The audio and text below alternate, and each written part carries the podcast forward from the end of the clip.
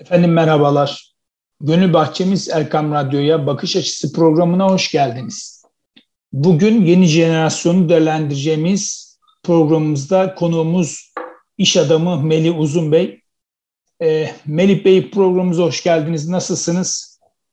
Teşekkür ederim. Sağ olun. Siz nasılsınız? Bizdeyiz. Allah razı olsun. Çok teşekkür ediyoruz. E, tabii değişimin hızlı olduğu dünyamızda aile yapıları, toplumsal değerler, çalışma hayatı bilhassa ve kuşaklar arasındaki farklılıklar da hızla değişmekte Melih Bey. Tabii iş dünyasında uzun yıllardır ciddi anlamda bir deneyim tecrübeniz de var. Bu yeni jenerasyonun kariyerleri hakkında kendileri en üst düzeyde görmeleri sizce doğru mu? Yani aslında bu endüstri sosyolojisinde şu anda bir gündem olarak tartışılıyor. Aslında şöyle şeyler, şöyle asimetriler var artık günümüzde. Yeni jenerasyon dediğimiz ve beyaz yakalı çalışanlar aslında şirketlerin üst düzey yöneticileri konumuna geldiler. Çünkü onlar yeni teknolojilere aşina e, ve yeni teknolojilerin, yapay zekanın, işte bilgi teknolojilerinin içine doğmuş bir jenerasyon e, inovasyona daha açıklar ve daha yatkınlar. Kavramlara daha yatkınlar, daha alışkınlar. E, dolayısıyla aslında bu onları kendilerini gördükleri bir alan değil ya da pozisyon değil, tarihin bu anında koşulların onları yükseltmiş olduğu bir pozisyon. Evet yeni jenerasyon şu anda iş dünyasında işte her sektörde özellikle inovasyona açık sektörlerde, bilgi teknolojilerine açık sektörlerde öncü e, kalifiye eleman statüsündeler ve bu her geçen gün iş iş hayatındaki işgal, işgal etmiş etmiş bulundukları alan e, artarak devam edecek gibi duruyor. Evet, yani tabii 21. yüzyılın yönetici, çalışan ve üreten kesimini oluşturacak. Efendime söyleyeyim, e, imar ve inşasında önemli bir yer tutacak olan bir nesilden bahsediyoruz. E, buna yeni jenerasyon diyen var, Z kuşağı diyen var. Pekala bu kuşak günümüzün çocuk ve gençlerini gelecekte nasıl görmemiz gerekiyor? Yani bunlar tabii ki motivasyon anlamında, idealizm anlamında çok ciddi şekilde kendilerini yukarıda görüyorlar. Aslında teknolojinin de vermiş olduğu bir özgüven de var ama özgüven de çok fazla özgüvende çok da faydalı değil. E, bu noktada tavsiye niteliğinde iş dünyası ile ilgili baktığımızda e, gerek iş insanının e, yeni nesle nasıl davranması gerekir? Yeni neslinde işte patronlarına veyahut da üst e, takımla ilişkisinin nasıl olması gerektiğine inanıyorsunuz? Şimdi aslında yeni jenerasyonun temel problematiği şimdiki zamana sıkışmış olması. Aslında bir önceki kuşak yani 80'lerin kuşağı için gelecek bir kavramdı, bir zaman dilimiydi. Çeyrek asırdı, yarım asırdı, yüzyıldı. Gelecekten bahsettiğimizde böyle bir şeyden bahsediyorduk ama bu yeni kuşak için e, projeksiyon tarih çok daha hızlı aktığı için onlar için gelecek 6 ay sonrası, bir sene sonrası. Dolayısıyla da e, bu hiçbir şeye, hiçbir duruma, hiçbir işe, hiçbir pozisyona çok yüksek aidiyetle bağlı olamama sorunu ortaya çıkartıyor ve e, aslında şimdiki zamanla sıkışıkları şimdiki zamanda çok özgüvenleri çok yüksek ve çok başarılı olmakla beraber bir gelecek tasavvurları yani 100 yıla tarih bir gelecek tasavvurları, 50 yıla tarih bir gelecek tasavvurları olmadığı için mental olarak büyük bir eksiklik.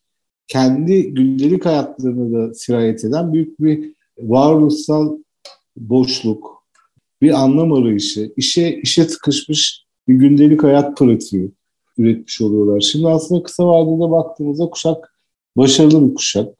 Ortaya çıkarttığı kendi kavram dünyasında yaşadığı yüzyılın koşulu argıt ve araçlarıyla ortaya çıkartmış olduğu performans kısa vadede çok başarılı görünse de aslında bu o kadar kısa bir vade ki onun ömrü için bile kısa. Dolayısıyla sadece şimdiki zamana sıkışmış olmak sürdürülebilir bir kariyer planından ziyade süreksizlikler içeren ama sürekli ana bu kalimun gibi uyum sağlama yüksek kabiliyetini ortaya çıkartan aslında bizim geçmişteki geçmişten öğrendiğimiz sebat etmek, işte bir işte tabit durmak. Aslında bu jenerasyonun tamamen terminolojisinin dışında kalmış arkaik, latince gibi. Yani hiçbir anlamı ifade etmeyen kavramlar. Aslında bu uzun vadede tek bir şeye odaklı, bilgiye, yapay zekaya, teknolojiye odaklı bir kariyer ve gündelik hayat vizyonu ve kendini gerçekleştirme alanı olarak bütün bu yeni şeyler üzerinden bir gerçekleştirme alanı e, benim kişisel kanaatim evet kısa vadede büyük başarılar e, gizliyor gibi duruyor. Fakat uzun vadede büyük anlam arayışları. Çünkü insan her ne kadar işte çok hemhal olsa da insanın bütün yapıp ettiği şeyler anlam dünyası üzerinden şekillendirdiği şeyler. Anlam dünyasındaki boşluk, kara delik büyüdükçe artık o gündelik pratiği üretebilecek motivasyon, istek, heyecan gittikçe anlamını yitirecek. Mesela pandemi bize şöyle bir deneyim yaşattı. Aslında çok kolay dünyanın pandemiye adapte olmasının nedeni e, bu yeni kuşakları çalışan iş hayatındaki bu yeni kuşakların aslında fiziksel yapıları, ofislere, bulundukları sosyal iş ortamlarına aidiyetleri o kadar zayıftı ki bu aidiyetten kesintiye uğramaları, evden çalışmaya başlamaları, işte kapatılmayla sınırlandırılmış bir iş hayatına dönmeleri bile onları çok fazla rahatsız etmedi ve buna çok kolay itibat sağladılar. Aslında bu işte tam da bu çağın hastalığına, tam da bu çağın insan gücünün çok kolay oryant olması ve çok kolay adapte olması neticesini doğurdu. Ama ben gene de gelenekçi bir adam olarak kısa vadede bu parıltının uzun vadede bir saman alevi gibi bir gelecek tasavvurundan kopuk, süreksizlik içeren ve en nihayetinde üretebileceği artı bir kaygı, endişe ve boşluk hissi olacağını düşündüğüm bir durum.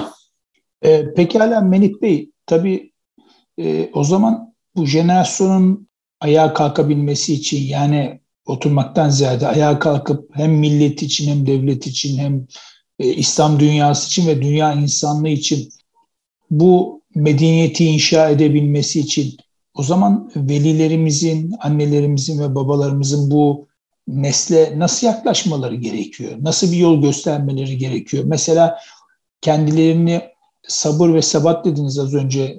Önemli bir derden bahsettiniz. Bunlardan bir tanesi yazın e, gençler okullarından ayrıldıklarında, tatile geçtiklerinde, bitirdiklerinde bir iş dünyasına atılmaları ne derece fayda sağlar? Yani aslında tabii şimdi bu bir kuşağı eleştirmek çok kolaydır. Yani biz mesela eleştirel bir e, bakış açısıyla. Şimdi aileler tabii ki işte şimdiki zamanda anne baba olmak da e, birazcık bu kuşakla doğru iletişimi kurabilmekle alakalı bir şey. E, bu kuşakla kurulabilecek en doğru iletişim onların e, teknolojiyle kurmuş oldukları bağı doğru algılamak. Yani çünkü artık teknoloji onlar için birer protez ve bu, bu, bu, bu protez artık e, bedenlerinin, gündelik hayatlarının, işlerinin ve e, gelecekle ilgili tüm hayallerinin e, vazgeçilmez ana omurgası ve aslında onlar için yaşam alanı gibi düşünülebilir. Dolayısıyla da onlarla ilgili tüm kariyer planlarında ebeveynin bunu öngörmesi, bunu anlaması ve e, bunu mümkün mertebe ekonomik koşulları el verdiğince desteklemesi gerekir. Evet bu kuşak iş hayatında başarılı olacak bu kuşak. Çünkü tüm dünyada yetişmiş iş gücünün önemli bir kısmı bu teknolojilere doğmamış bir iş gücü. Bu teknolojilere doğan iş gücü işte bizim ülkemizde biz biraz şanslıyız. İşte genç nüfusumuz çok yüksek ve bana göre mesela çok belki önümüzdeki yüzyılın ilk çeyreğinde, belki bu yüzyılın son çeyreğinde genç nüfusu olan ülkelerin çok ciddi ataklar yaptığını göreceğiz. Çünkü e, istihdama, istihdam için ileri sürdükleri insan gücü e, aslında bu yeni zamanların dünyasına çok vakıf, tamamen içine doğmuş bir iş gücü. E, düşünün ki artık dünyadaki pek çok üretim bandı, üretim tesisi hem spesifikleşmiş hem akıllı yapay teknolojilere geçmiş. Dolayısıyla ebeveynler bunu kavrayarak aslında onların varlık dünyasının kendi varlık dünyalarından başka bir dünya olduğunu idrak ederek bazı şeyleri e, çok da anlayamasalar bile yani hissederek destek olmaları gerektiğini düşünüyorum. Çünkü zaten e, piyasada bir arz talep dengesi o denge çerçevesinde de bu e, jenerasyonun, bu yeni kuşağın e, üstlenmesi gereken çok ciddi bir misyon var. Ben genel olarak konuya böyle bakıyorum. Peki hala yeni jenerasyon tabii önemli diyoruz. Yaklaşım tarzı çok önemli. Gidişatları iyi gidecek. Bunu da görüyoruz. Peki hala yeni jenerasyonla ilgili herkesin bir sıkıntısı var. Bu jenerasyonun her şeyi bildiğiyle alakalı. Bu jenerasyonun efendime söyleyeyim kitap okumayla ilgili sıkıntısının olduğunu gerek öğretmenlerden gerek anne babalardan bize gelen şikayetler doğrultusunda bu soruyu sormak istiyorum. Yani teknoloji, Melih Bey, teknoloji bu yeni jenerasyonun önünde aslında bir engel mi kitap noktasında? Yani aslında bakış açımızda e, soru doğru sorulmamış bir soru bana göre. Bence soruyu şöyle sormak lazım. Ebeveynin sorduğu soru çerçevesinde söylüyorum sizi tembih ederek. Buyurun. Bu, bu jenerasyon için aslında kitap bir enstrüman mı? Tekamül etmenin, gelişmenin, ileriye gitmenin ya da e, güne uyum sağlamanın ya da aslında onlar için enstrümanlar değişti. Demin söylediğim e, bir önceki söylediğim cümlelerde de bu vardı. Onların varlık dünyası. E, bizim varlık dünyamızdan çok başka. Yani biz 60'larda 1900'lerde kitap diye bir şey vardı, 1800'lerde vardı, 1700'lerde vardı.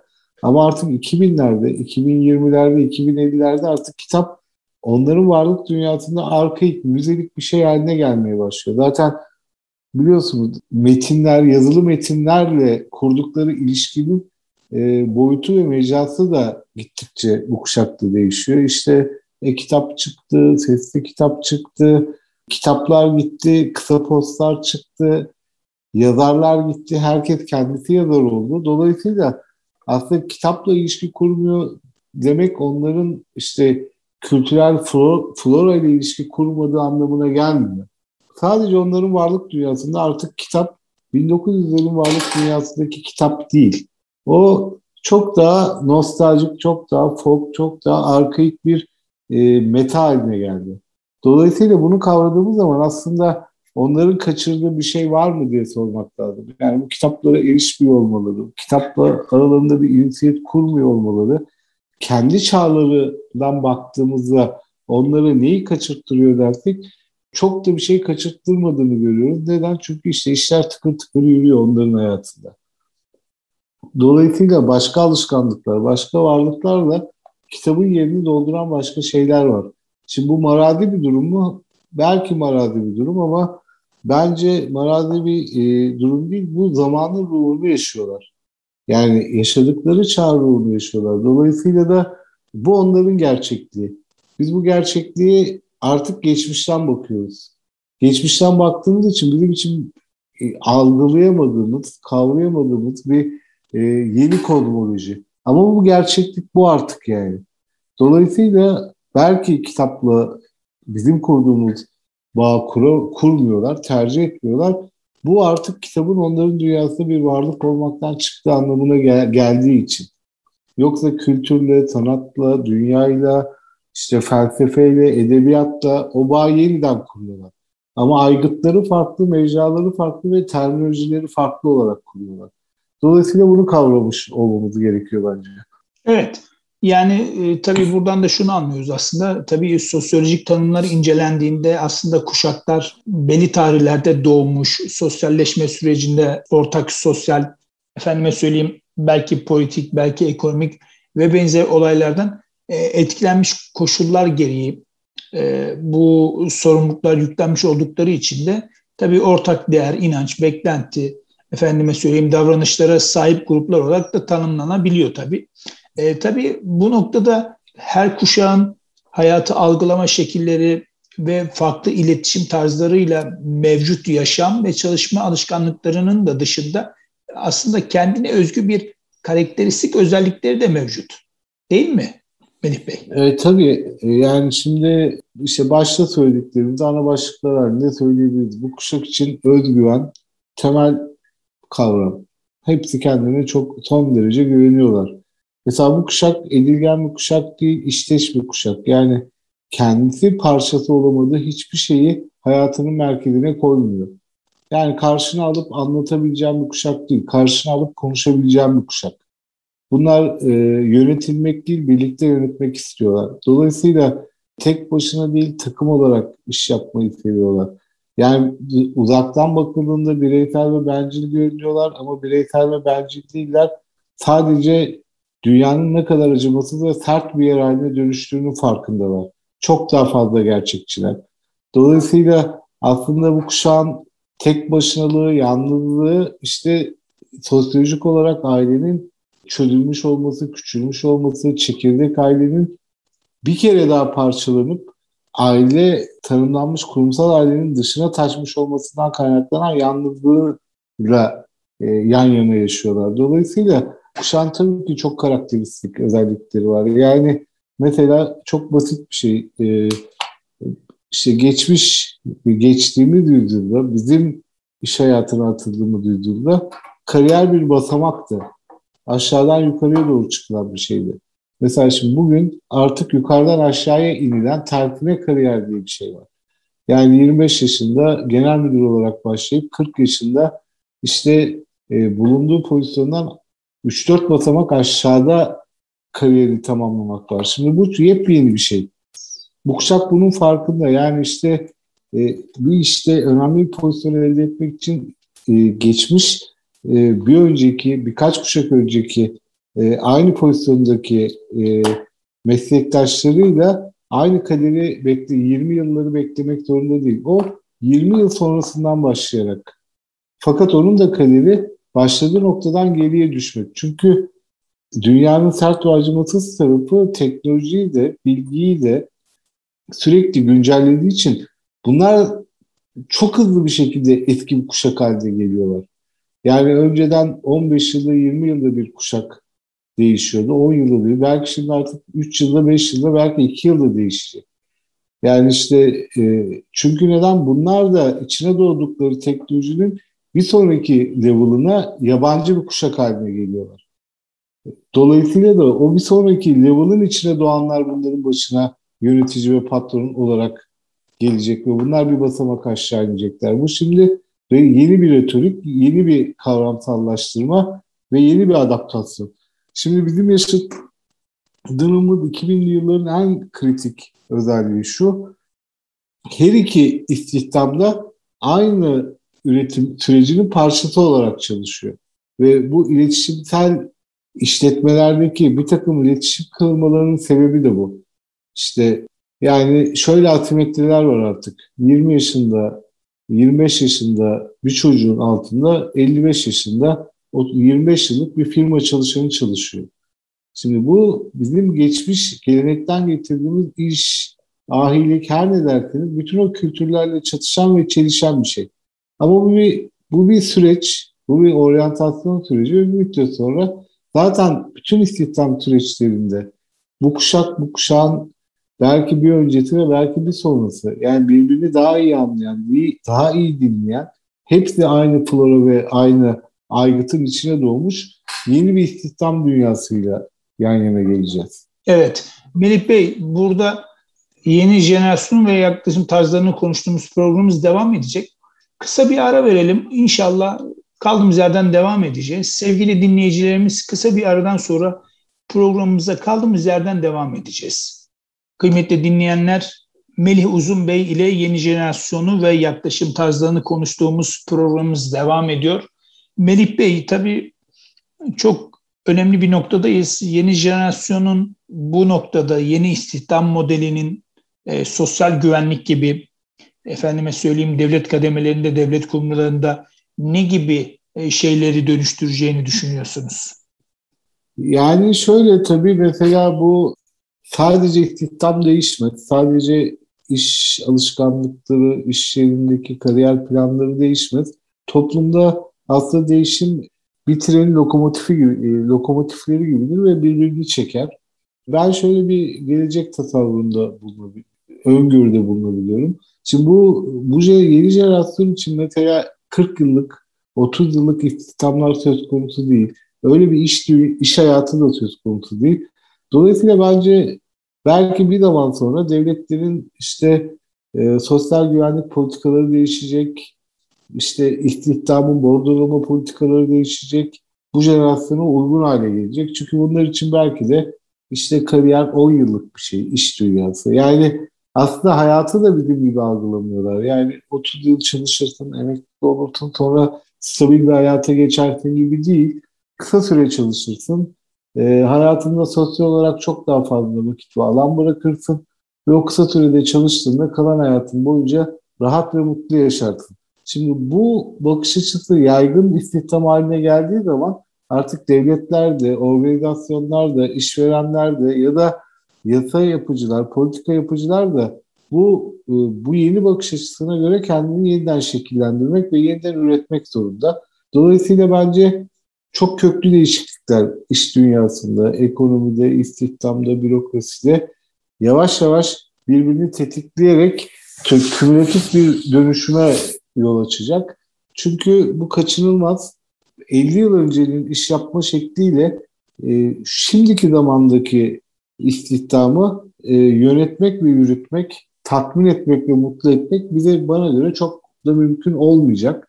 Zaten çok da mümkün e, görünmüyor. Şu anda işte biliyoruz bir sürü büyük şirket, küresel şirket bu insan kaynağını e, istihdam ederken çok e, çok orijinal teklifler, çok e, orijinal ve esnek daha önce duymadığımız ve alışmadığımız çalışma koşulları teklif ederek e, bunlarla e, bir arada e, iş süreçlerini yönetiyorlar.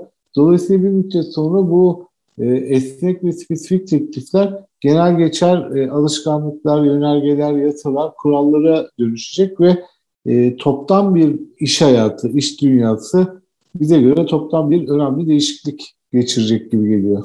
Evet tabii programımızın da sonuna doğru yaklaşıyoruz. Türkiye'de 2000'den sonra doğanlar hatta 2000 yılın bazıları 95 diyor tabii ama biz hani 2000 yılından sonra doğanlardan oluşan kuşak aynı zamanda kristal nesil olarak da adlandırılmaktadır Melih Bey. Bu noktada uzmanların derin duygusal sıfatıyla nitelendirdiği bu kuşak hani internetin olmadığı bir dönemi hiç yaşamamış, ödev yaparken örnek ana Britannica sayfalarından hiç özet çıkarmamış bir nesille karşı karşıyayız. Yani ha deyince hemen e, Google'da istek ve arzularının çok kısa bir sürede, iki saniyede, üç saniyede ekrana yansıdığı bir nesilden bahsediyoruz bir zamandan. Akıllı telefonlarıyla her yerden e, sürekli sanal dünyaya hani teknolojik tabirle söyleyelim connected olan birbirleriyle telefondan konuşmak hatta e-mail göndermek yerine e, sosyal medyadan emojiler, ikonlar ve görüntülerle konuşan bir jenerasyondan bahsediyoruz. Tabii e, yeni jenerasyonu anlamak da lazım. Kendimizi de çok iyi bir şekilde de ifade etmek lazım. Son olarak neler söylemek istersiniz bizi dinleyenlere? Yani aslında tabii en başta söylediğimi kapatırken de yani konuyu kapatırken de söylemek istiyorum.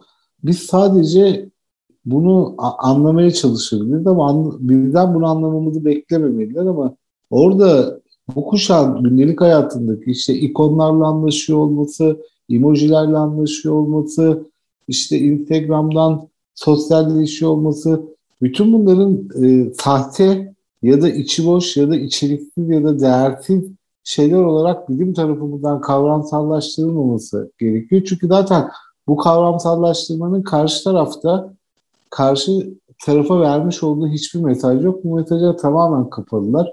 Şuna şunu anlamalıyız yani. Çok geniş insan nüfuslarından bahsediyoruz. Bu kuşaktan bahsederken ve bu çok geniş insan nüfusu, nüfusunun da kendi içinde çok anlamlı bir kavram dünyası var. Yani o emoji e, gerçekten bizim yani çok mesela uç bir örnek vereyim. O emoji bizim merhabamız hatta bizim birbirimizi selamlamamızın yerine geçerken daha zayıf bir mesaj ileticisi olarak geçmiyor. Aslında aynı kuvvette. sadece kuşakta kendi kuşağı içerisinde ona yükle, yüklenmiş olan anlamı biz kavra, kavrayamıyoruz. Bizim için çok yavan ve basit geliyor. Dolayısıyla ben her e, kuşağın kendi zamanının ruhunu yaşadığına inanıyorum ve bu kuşağın e, yaşadığı zamanın ruhu da bu. Ve bunu böyle kabul edebilirsek hem o, bu kuşakla gerek iş dünyası olarak iletişim kurmamız kolay olur, gerekse ebeveyn olarak iletişim kurmamız kolay olur ve bu kuşak ge- geçmişine ancak bu e, çerçevede, bu kontrastta sahip çıkıp o geçmişe bir gelecek vaat edebilir. Dolayısıyla da daha önce hani bahsettiğimiz çok bahsedilen o kuşaklar arası çatışma vesaire aslında biz bu kuşakla çatışamayız yani. Çünkü çatışmak için bile o ortak kavramlarımızın, ortak gösterenlerimizin, ortak mesaj ileticilerimizin olması lazım. Bizim bu kuşakla çatışamamış olmamız, çatışamamış olmamız bize hem bir fırsat hem de bir risk doğuruyor. Çatışma da bir iletişim modelidir. Yani bir şekilde karşılar e, taraflar birbirini anlar.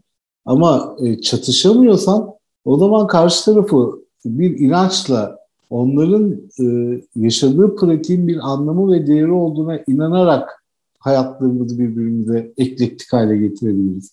Dolayısıyla da e, ben evet farklı kavramlar, evet farklı hayatlar, evet farklı bakış açısı. Bölge belki bir de bazen çok soğuk, belki bir de bazen çok bencil geliyor.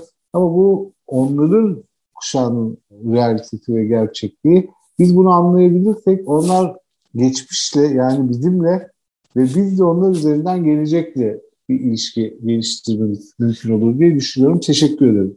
Evet, e, ben de teşekkür ediyorum bize zaman ayırdığınız için. Tabii son olarak Z kuşağının olumlu yönlerinden de hemen kısaca bahsetmek gerekirse ne istediklerini biliyorlar demiştik. Bireysel ve bağımsız çalışma özelliği taşıyorlar. E, dürüst olduklarını görüyoruz Tabii bu noktada hiçbir komplekse girmeden kendilerini rahat bir şekilde de ifade edebiliyorlar. E, bu da tabii ki teknoloji vermiş olduğu bir avantaj olarak da görülebilir. E, girişimcilik yönleri ve istekleri çok fazla. Bu noktada tabii ki yeni nesil dediğimiz, Z kuşağı dediğimiz kuşağın avantajlarıyla birlikte tabii dezavantajları da var. Evet, e, kıymetli iş insanı Melih Uzun Bey'e çok teşekkür ediyoruz bize vakit ayırdıkları için. Ben teşekkür ederim. İyi yayınlar diliyorum. Aziz dostlar, bugün yeni jenerasyonu konuştuğumuz programımızın sonuna gelmiş bulunmaktayız. Gönül Bahçemiz Erkam Radyo'da bir bakış açısı programımızın daha sonuna gelmiş bulunuyoruz. Efendim programımıza göstermiş olduğunuz ilgiden dolayı hepinize ayrı ayrı teşekkür ediyoruz. Kaçıran veya tekrar dinlemek isteyen dinleyicilerimiz için erkamradyo.com internet sitemizden hem bu programımızı hem de geçmiş programlarımıza ulaşabilirler. Haftaya aynı gün ve saatte yeni bir konu ile huzurlarınızda olabilmek duasıyla. Kulağınız bizde olsun. Allah razı olsun.